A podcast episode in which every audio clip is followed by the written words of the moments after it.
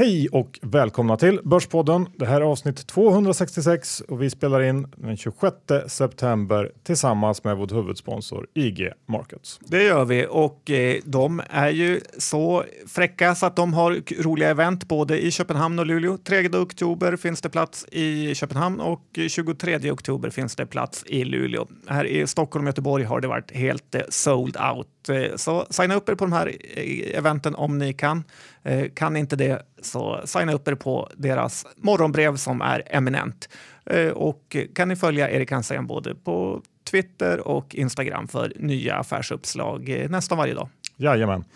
John, vad pratar vi om idag? Ja, vi har ju besök av eh, Stefan Lundell från Breakit som faktiskt eh, ska ge oss den senaste hypen här inom eh, techsektorn. Stefan DI-dödaren Lundell. Jag undrar hur nöjda de var att de släppte iväg honom egentligen. Men det är kul. Han mm. har ju många bra eh, synpunkter. Ja, sen blir det lite vinstvarningar för de har droppat in. Det blir lite generell börs och eh, ja, John, eh, vad säger du? Ska vi inte säga så mycket mer om det eller? Nej, men det är väl inte värt att avslöja allt just nu. Nej. Vi är också sponsrade av Skandia, ett pensionsbolag som förvaltar 450 miljarder kronor. Och Skandia har precis släppt sina placeringsutsikter. De kommer ut två gånger per år och i utsikterna så ger Skandia sin syn på det ekonomiska läget i världen. Bland annat så skriver man att det är viktigt att fråga sig hur mycket man vill riskera för att få möjligheten till mer avkastning framöver. Eh, lyssna här när Johan Lundqvist som är makroekonom på Skandia förklarar hur de tänker. Ja, börsen har stigit i nio och ett halvt års tid nu efter finanskrisen och det är som du säger det är hög avkastning vi har fått på våra pengar under de här åren.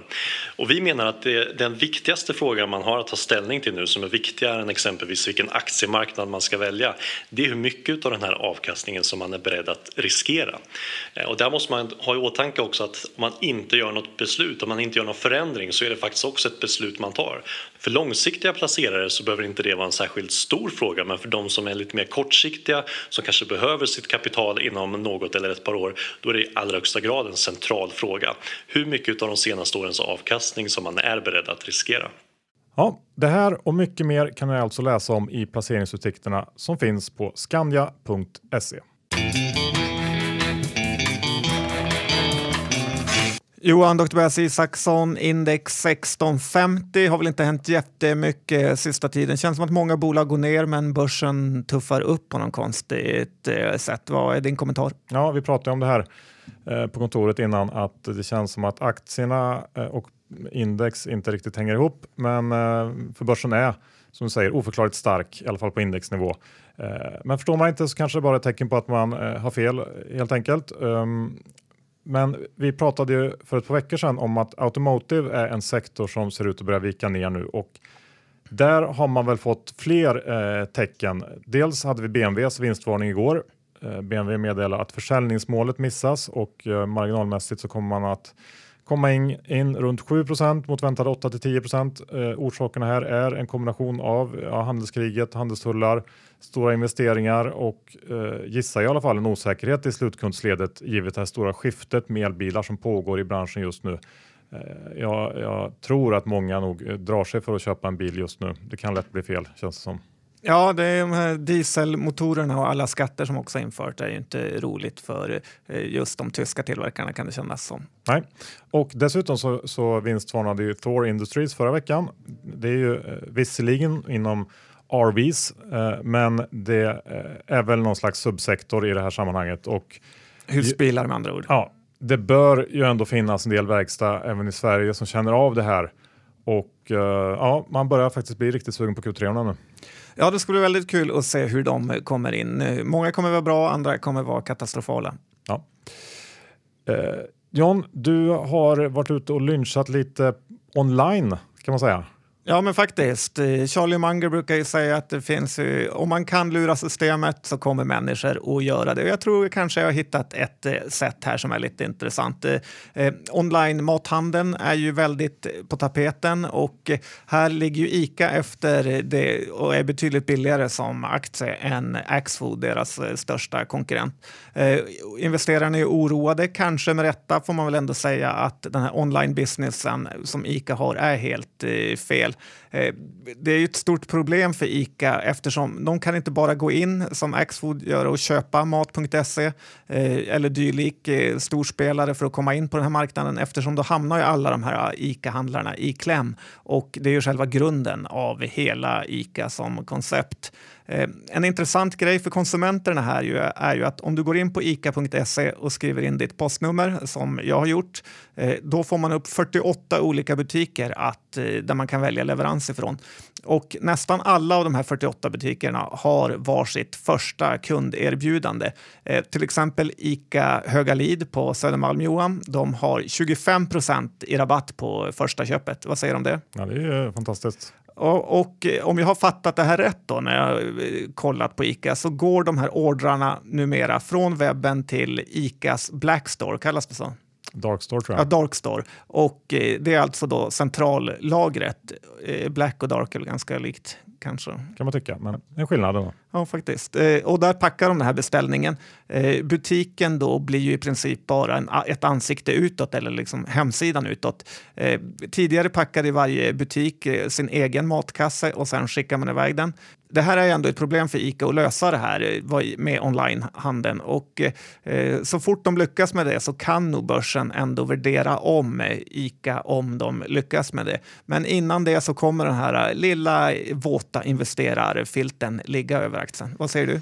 Nej, men jag håller med. Jag har funderat ganska mycket på ICA eh, på slutet faktiskt och jag svänger fram och tillbaka där. För man kan ju argumentera för att eh, det spelar inte så stor roll för ICA, alltså gruppen, det noterade eh, bolaget, vem som vinner eh, nätstriden av de här eh, småhandlarna. Om det är någon som är väldigt duktig på att driva trafik till sin, just sin sida så ja, det är ju trist för de kanske närliggande ICA-butikerna, men det gör ju inte så mycket för, för ICA-gruppen. Men Å andra sidan så blir det väldigt otydligt som konsument. Det är ju en helt annan sak att gå in på Mathem eller mat.se eh, än att göra det här. Så de, har ju, de har ju en bit kvar.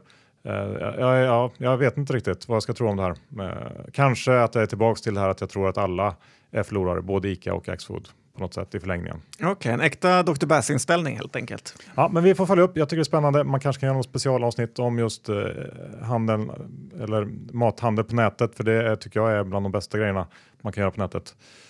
Eh, Nog sagt om det. Hur är det med tajmingen på DI egentligen John? Ja, men det är ju någon på DIs eh, redaktion som har en kolossalt eh, kass tajming med sina reportage. Eh, det börjar nästan bli lite komiskt kan jag tycka. Först, eh, om du kommer ihåg, var det ett eh, jättereportage om Munters och hur bra det ska gå för deras datahallar. Eh, typ en vecka senare så vinstvarnar Munters just för att de här datahallarna går jättedåligt. Eh, för någon vecka sedan bara var det ju Dometics tur. De träffade vdn och skrev ett jättehåsigt reportage om att han hade köpt aktier för 50 miljoner och han trodde den skulle dubblas eh, med mera. Eh, vilken rätt trend de låg i. Det var väldigt bra reportage ur Dometics sida. Aktien gick upp rätt mycket den dagen har jag för mig. I princip så har det ju knappt tidningen hunnit, hunnit kallna innan hela den här RV eller husbilsmarknaden i USA har kollapsat med Store Industries i spetsen. Eh, nyligen var det Veoneer som skulle gå upp 400 procent eh, och det känns ändå som att det här ligger som en väldigt bra blankningskandidat eh, om man ska få följa den här DI-trenden. Ja, jag eh, tänker ta upp både Dometic och Veoneer lite senare i avsnittet så jag väntar nog med mina kommentarer tills dess. Nu John, eh, är det väl dags för breaket Stefan va? Han svängde ju förbi här igår, tisdagen, och snackade lite om läget på techscenen och allmänt eh, lite skvaller kanske man kan säga i branschen. Så att eh, vi rullar väl det direkt här. Gör det.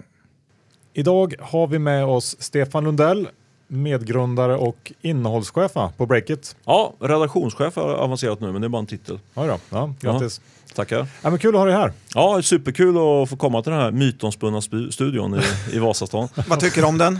Eh, över förväntan måste jag säga, men var väldigt nerspelad innan jag kom hit. Men jag tycker att det var mysigt. Påminner om min gamla pokerlokal i Ljungskile som jag hängde mycket i på 70-80-talet. Jag är gammal.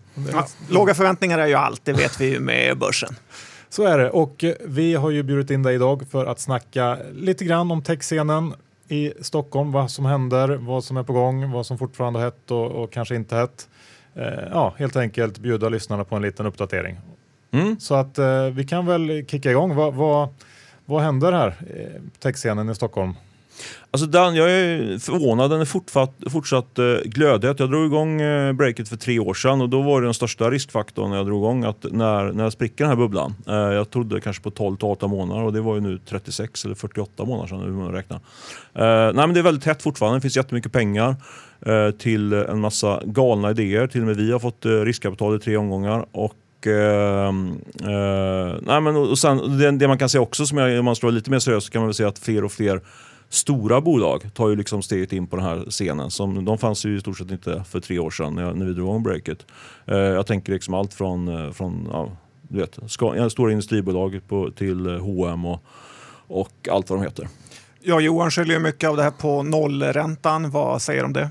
Nej, men det är klart att det, har ju en, det är en jättedrivkraft i hela, i hela den här håsen som är kring, kring tech i Stockholm och Sverige. Men eh, det, som, eh, det som var liksom vårt bett när vi drog igång breaket det var ju att eh, absolut det är väldigt upphåsat nu men det är samtidigt förändringar som är här på riktigt. Liksom. Alltså, vi pratar ju som alla kallar för digitaliseringen och, som kommer förändra hela näringslivet, hela samhället egentligen. Så eh, absolut, eh, nollräntan har drivit på den utvecklingen men, eh, men förändringen är här för att stanna. Om du tittar på eh, världen, USA, Sverige, Asien, vart är det hetast? Vad är skillnaderna? Uh, ja, men där skulle jag säga att det har skett ett skifte de sista, sista 12-24 månaderna. Och liknande. Uh, kanske under 24, mer än 24, 40 45, 100 000 månader. Nej, jag sa fel där. Men alltså, jag kan inte om det. Jag, jag bara 100 000 månader? Ja, 100 000 månader. Ni lovar att ni ska klippa bort alla mina felsägningar, men vi kör ändå. Nej, men alltså så här. Det man, skiftet man kan se är att eh, tidigare var det liksom Silicon Valley som var det hetaste heta, men nu är det ju Kina och Asien som det, som det verkligen rör sig. Uh, och jag tror det är där man ska titta mer än, än i Silicon Valley. Det tror jag man gör ett misstag, både vi här i Stockholm men också i USA, att man är för, för, har för mycket fokus liksom på hemmaplan.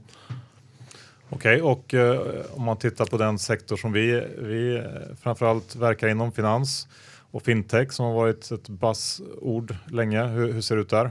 Kommer det någonting som verkligen funkar på riktigt där? Det har varit lite klagomål kring att många fintech startups inte riktigt eh, håller vad de lovar så att säga. Mm. Ja, alltså jag är ju en, en håsad kille så jag tror att, eh, att eh, fintech, eh, utvecklingen inom fintech är väl bara här, har precis börjat egentligen. man även där ser man ju liksom väldigt många stora, tunga, etablerade spelare som går in. Chris Gardell är väl kanske det senaste exemplet på en på en väldigt, får man ändå säga, en, en kille med rätt bra track record som ger sig in i, i fintech nu. med jag investerar i, i den här fondroboten Lysa. Eh, men eh, jag, jag, träffade eh, eh Niklas Storåkers eh, som, kör, som har dragit igång det här, eh, som kör Price Runner nu. Och han, i förra veckan. Och han var ju väldigt håsad såklart på bolag men även generellt för, på sektorn. Uh, och jag tror absolut, om tittar liksom de olika delsegmenten, bolån finns det ju, det är, liksom, det är bara up for grab där, det ska ju hända någonting där och det är flera aktörer på väg in. Jag är inte säker på att det är de som, som det snackas mest om nu, till exempel enklare, att det är de som kommer göra det. Liksom. Jag, är rätt, jag är faktiskt helt övertygad om att det kommer ske förändringar. Det gör det i alla segment som, där, där folk har tjänat alldeles för mycket pengar under för lång tid. Men vad kan hända för kul på bolån? Jag menar, det, du lånar på ditt hus och så gör du ingenting på 20 år? Ja, du sänker marginalerna. De tjänar ju alldeles, alldeles för mycket pengar, storbankerna. Det, jag har inga exakta siffror, men man har ju sett eh, faktiskt att de bolånemarginalerna sakta men säkert börjar krypa neråt nu. Men det finns ju mycket att, att skära där. Eh, det räcker med en liten skärva så förtjänar man ju miljarder i det segmentet. Du namedroppar lite här. Eh, kan du bjuda på något, något eh, färskt skvaller? Eh, I vilket segment? Det är bara att välja. Ja, vilket som helst. något som är intressant för oss. Eh, svår fråga. Jag skulle se... Nej, jag måste tänka efter. Eh, vad ska vi ta? Något färskt skvaller. Tänker du på någon ny notering eller tänker du på... Ja, skulle det kunna vara. Ja, precis. Vad är på gång? På? Det, man ser börs, så det, det har ju flaggats tidigare att, eh, att Qliro kommer att dela upp sina, sina eh, enheter i tre. Nelly, CDON och, och eh, får ni hjälpa den sista, Clear Financial Services. Det. Där går det ganska trögt vad jag förstår. Eh, de har försökt sälja Nelly och försökt notera det men det tar tid. Uh, Fyndik är på väg att säljas. Uh, de delar upp det i två uh, och det, där kan det bli notering. Det skulle jag nog hålla mig borta från i och för sig för det, när, när Amazon och Wish kommer in där på stor front så kommer det bli tufft för dem. Uh, och annars så fast ska vi ta för något. Det är svårt att dra i rak. Jag har kommit på något mer. Men det där med, med, att man ser att en del e-handlare börjar få lite problem Eh, liksom även inom, för man, man bruk, gillar ju att dela upp e-handlare mot, mot fysisk retail, men det går även att se att det finns olika grader i, i, av de som är rena e-handlare. Mm. Vad, hur ska man uh, tolka det?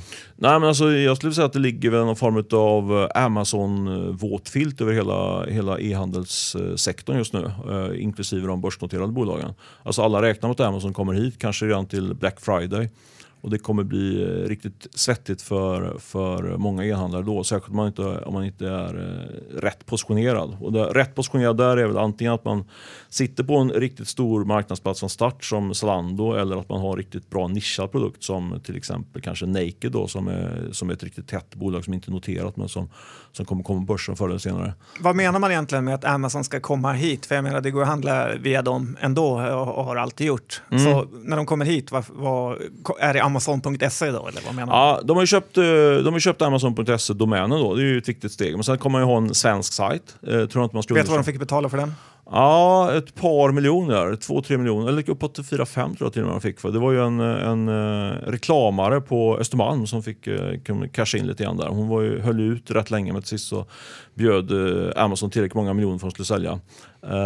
Men åter till Amazon och varför det är intressant och varför det kommer påverka e-handelssektorn. Det är ju så här att dels att det blir en svensk sajt, det tror man inte ska underskatta för folk är väldigt provinsiella, inklusive man själv, har svårt med engelskan. Alltså det är skönt att ha en svensk sajt som man, som man kan, uh, bättre konvertering och mer på allvar. Då, liksom.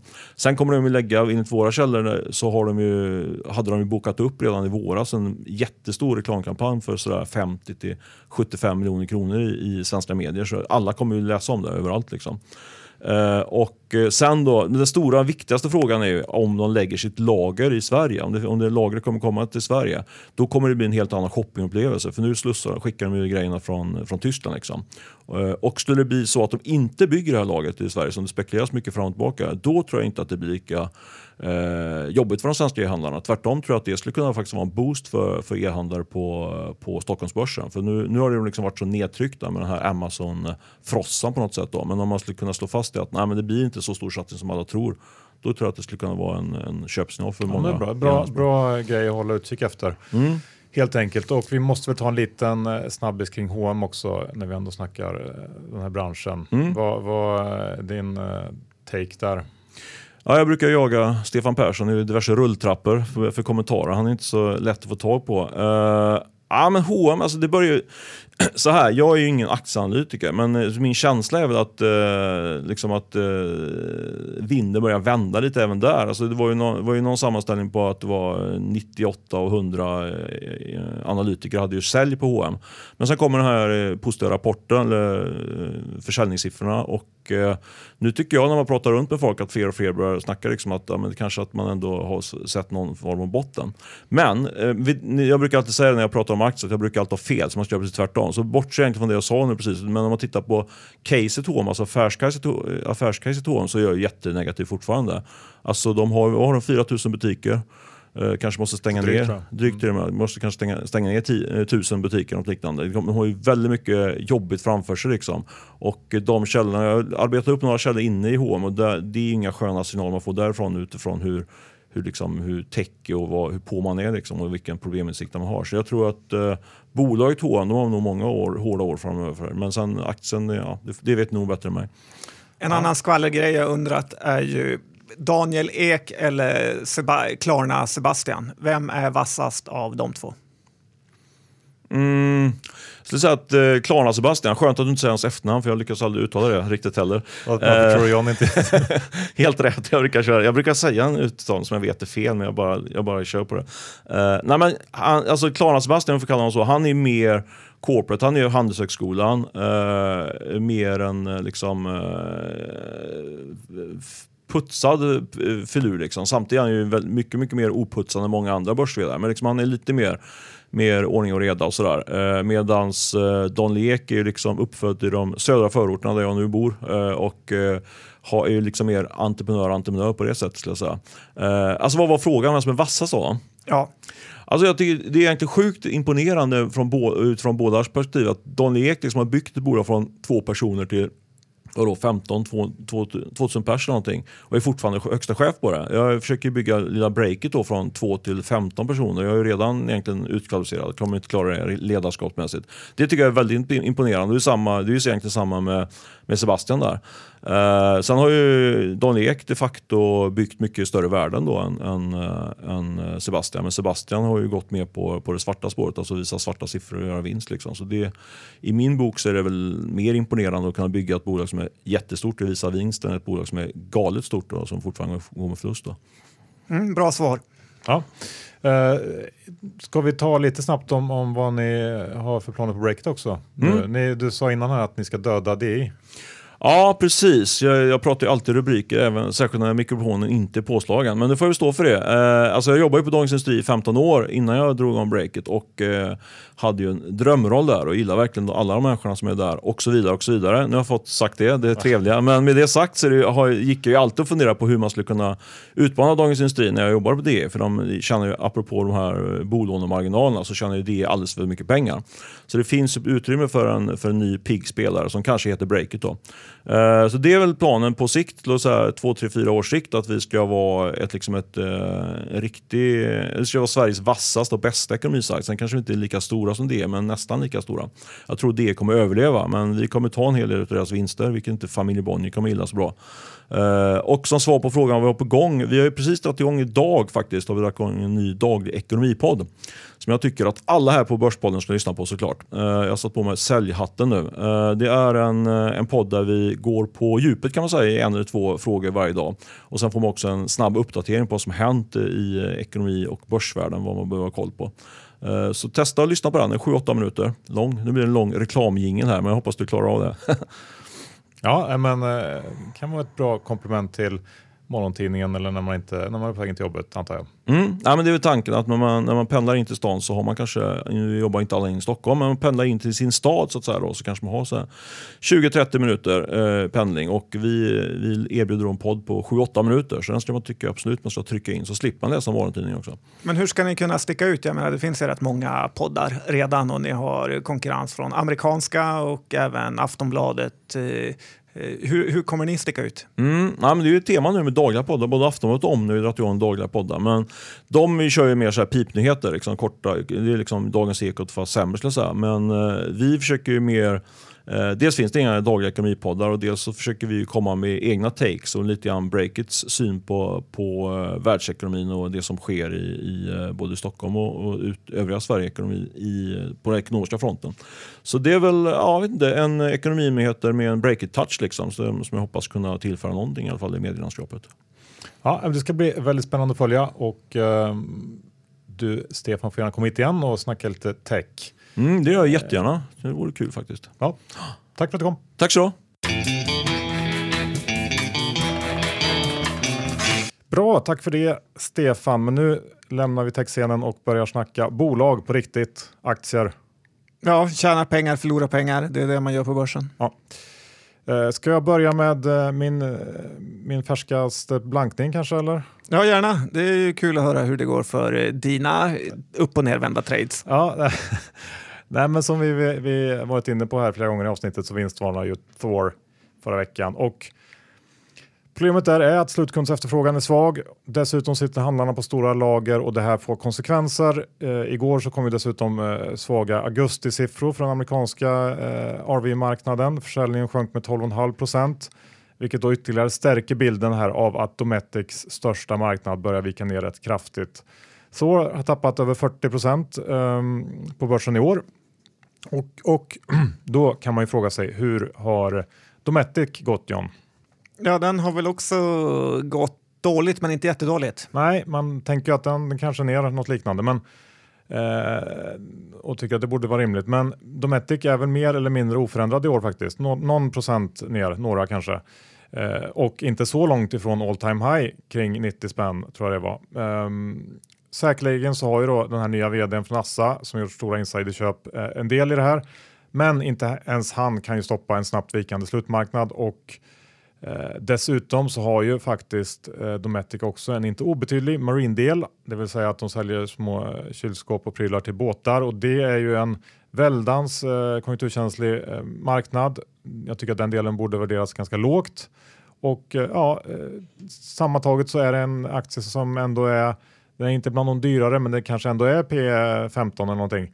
Eh, och jag eh, tycker att nu när man ser hur, hur det börjar vika ner ganska rejält så är det alldeles för högt. Så jag har kortat den här aktien sedan en vecka tillbaka ungefär. Ja, det är lite läskigt med det här stora förvärvet de gjorde nyligen också. Eh, på den positiva kan man väl ändå säga att eh, Dometic också säljer till den här ute friluftstrenden som är het och eh, det du nämnde med båtar är att det har varit en helt eh, eh, fantastisk eh, sommar och man har ju läst på många ställen att båtförsäljningen gått väldigt bra. Så att, eh, det finns ju möjlighet att det här Q3 blir en eh, liten överraskning för blankarna. Ja, men så kan det väl vara. En bra sommar är väl någonting som ger betalt eh, inför nästa säsong så att säga. Så att det är väl nu kanske som folk börjar köpa båtar med den fina sommaren färskt i minne. Det, är sant och man ska också komma ihåg att de har en, en hygglig eftermarknadsdel som ska vara mer stabil. Men mm, ändå, jag är kort. Ja, nej, det behöver inte vara fel. Ett annat bolag som man också skulle vara rädd för när vi ändå pratar blankningskandidater är ju kanske Kabe. Eh, nya reglerna med dyra fordonsskatter och en vikande marknad är ju absolut inte bra för det här bolaget. Eh, dessutom är ju orderboken så tom så att eh, det, vill man sälja så går det inte. Nej, det kanske egentligen är en ännu bättre kandidat. Eh, vi får se. Vi går över till Avanza John. Ja, men det ska vi göra. Och eh, för att prata blankare så undrar jag ju faktiskt inte om de kommer få rätt inför det här tredje kvartalet i Avanza. Avanza-aktien rör ju sig kolossalt mycket på rapporter.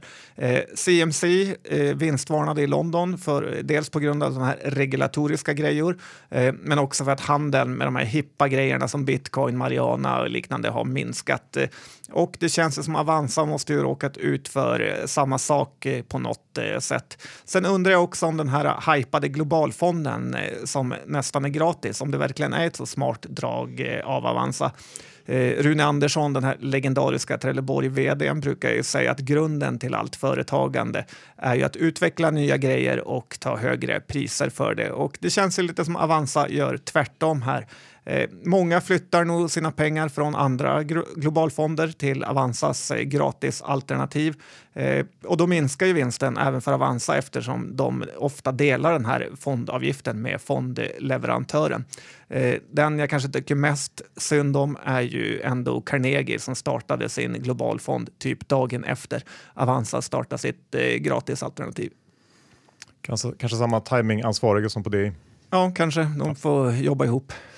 Yes. Eh, en aktie som eh, har katapulterat sig uppåt i veckan är ju eh, en eh, sån här läk- eller forskningsbiotech-aktie. Jag håller inte på med sånt, men du gör det. Vilken aktie är det? Ja, Wasmia. Snart är det så många tradingregler för dig själv Johan att du inte får trada någonting. Nej, men det är ganska skönt. Jag behöver inte jobba så mycket. Det finns bara några få grejer jag kan göra. Ja, men Wasmia kom ju med att deras läkemedel blev godkänt av den här europeiska myndigheten och eh, det som jag tycker är lite kul i det här är ju faktiskt att eh, EBM kommer ju återigen hamna i någon typ av dålig dager här när de ska åtala Anders eh, Lönner för att ha gjort insideraffärer i Wasmia då han har sålt aktien på halva priset här. Eh, det känns ju som Eh, Wasmia själva visar vad som är riktig info i sådana här eh, biotech-medicinbolag eh, och eh, det känns ju ändå som att EBM kommer göra bort sig duktigt här igen. Eh, själv har man ju missat hela Wasmia-tåget, men det är ändå kul när Sverige får forskningsbolag som lyckas. Men tittar man på grafen så ska man säga att det här har inte varit någon lätt resa för eh, någon aktieägare, utan det har ju varit många, många nyemissioner, problem och härver innan man har tagit sig till den här eh, punkten. Så att eh, ja, det är aldrig lätt att investera i biotech och man, många kanske skulle följa din, eh, dina regler. Ja, men jag menar, man kan nog inte riktigt gräma sig från om man missar det här för att eh, det här har ju hållit på länge. Jag kommer ihåg jag var eh, och besökt, jag var på julbord eh, hos Oasmia i Uppsala typ 2007 och då var det nästan på G. Då var det stora grejer på gång. Kommer ihåg att de, det lät ifrån ledningen och ja, det har ju tagit några år eh, sedan dess så att ja, det är ju, krävs ju en, en enorm uthållighet helt enkelt. Var det lyxigt julbord? Jag tror det var ganska standard. Varken du Ni åt på Ikea? Nej, det var bättre än så faktiskt. Nu eh, kommer det till något lite tråkigare John. En liten del av mig dog i veckan när jag läste DI. Okej, okay, ja, men du är rätt lång så det gör inte så mycket. vet, vet, du varför? Nej, berätta. Nej, men man får ju stå ut med väldigt mycket dumheter så här i nollräntetider. Men när jag läste DIs Gardell-artikel om Veoneer så brast det för mig faktiskt. Mm. Gustav Tapper på DI hade pratat med Gardell som rotat fram det sinnessjuka resonemanget om värdering per anställd mjukvaruutvecklare som en rimlig variabel att faktiskt ta hänsyn till i värderingen av Veoneers aktie. Och Veoneer är ju då den här avknoppningen från Autoliv som ska göra självkörande bilars mjukvara. Eh, och man hade då tagit fram någon typ av PR-värdering baserat på vad liknande bolag haft för värdering per mjukvaruingenjör i de senaste transaktionerna. Och det som jag uppfattar som base case eh, var 14 miljoner US dollar per anställd. Eh, toppnivån var 20 miljoner eh, US dollar och lågpunkten så att säga var drygt 6 miljoner eh, dollar. Och baserat på det här då, så fanns det föga förvånande en rejäl uppsida i Veoneer. Och jag bara tänker att om det här är det bästa som Gardell har för att håsa Veoneer så är det eh, lite synd om honom ändå. Det finns ju inte i min begreppsvärld att någon kan ta ett resonemang som bygger på att en ingenjör ska värderas till 20 miljoner dollar på allvar. Det är väl möjligt att det Veoneer gör är framtiden och eh, de eh, kanske har något helt fantastiskt på gång, men man måste ju kunna motivera det bättre än så här.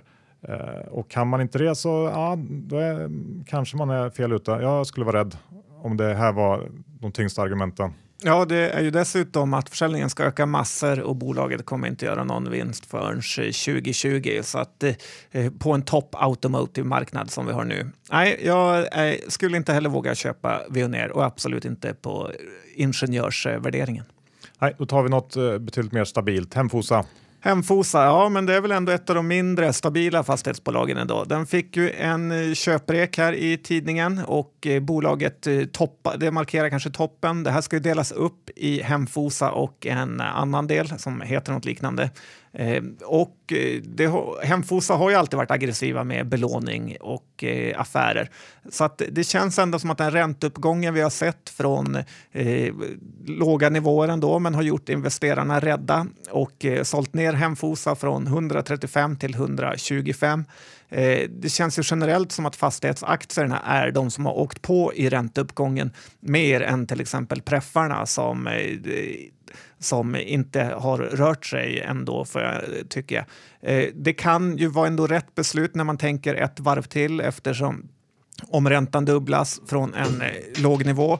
Eh, där åkte ett glas i backen, Johan. Ja. Mm, har du mer att säga om det? nej.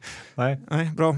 Och, men så kommer ju det slå mot resultatet i stamaktierna på fastighetsbolagen.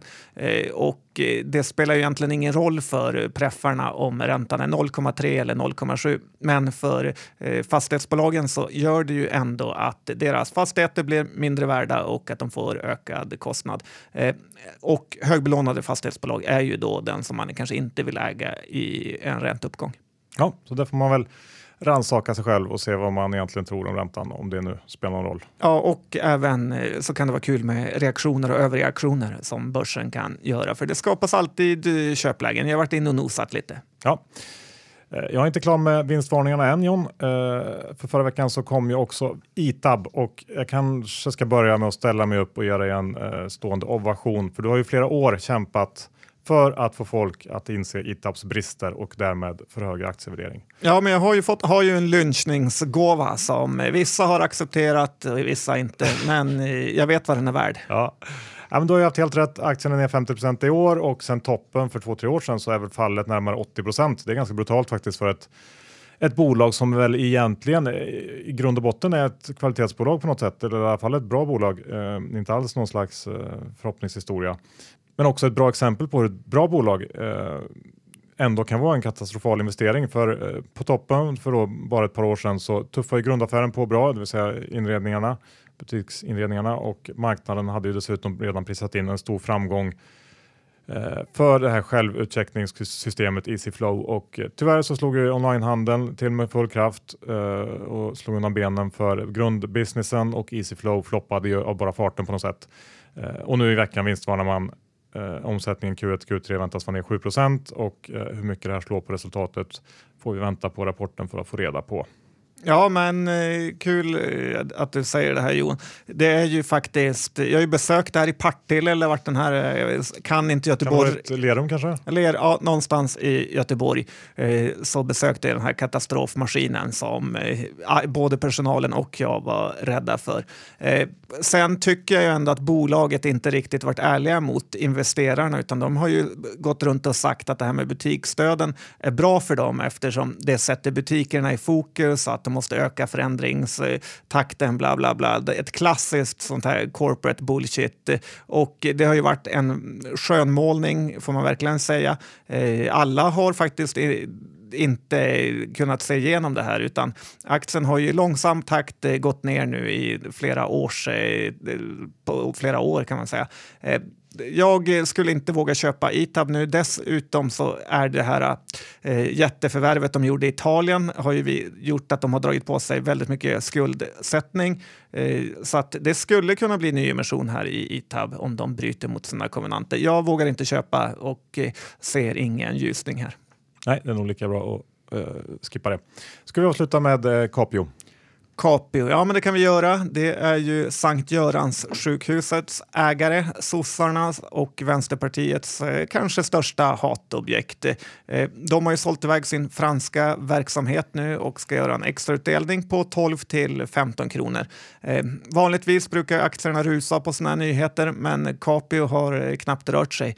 Eh, det ligger ett bud på 48,50 i den här aktien och det kommer ju förmodligen inte gå igenom utan eh, många tror ju på en budhöjd budhöjning. Eh, möjligtvis kan de ju dra sig ur det här budet och då finns det ändå en del nedsida. Så att jag tycker inte man ska kliva på ett tåg för att plocka småmynt eh, som uttrycket säger och eh, det passar faktiskt in väldigt bra här. Jag tror att det är att man inte ska gå på rälsen och plocka ett småmynt framför tåget. Okej, och det är ännu bättre att inte göra. Ja, precis. Det andra är lite halvriskabelt.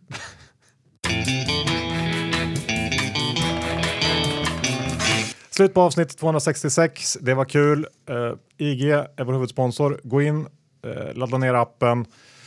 Handla om ni känner för det. Tänk dock på att eh, uh, CFDR innebär hög risk uh, och ja, signa upp er på nyhetsbrevet. Dessutom är vi i detta avsnitt sponsrade av Skandia som precis har släppt sina placeringsutsikter. Uh, där ger Skandia sin syn på det ekonomiska läget i världen och ja, gå in på skandia.se om ni vill läsa om vad Skandia tänker, tycker och tror. Ja, man kan aldrig få för mycket info. Nej. Eh, ja, då har vi kommit till den här delen som heter våra egna innehav av de eh, bolag vi har pratat om i dagens avsnitt. Jag är då kort, eh, Dometic som jag sa, i övrigt eh, ingenting. Hur är det med dig John? Nej, idag är det lite ombytta roller. Jag har ingenting av de aktierna vi pratat om. Kul, då tackar vi för oss. Hörs om en vecka igen. Hej då! Hej då!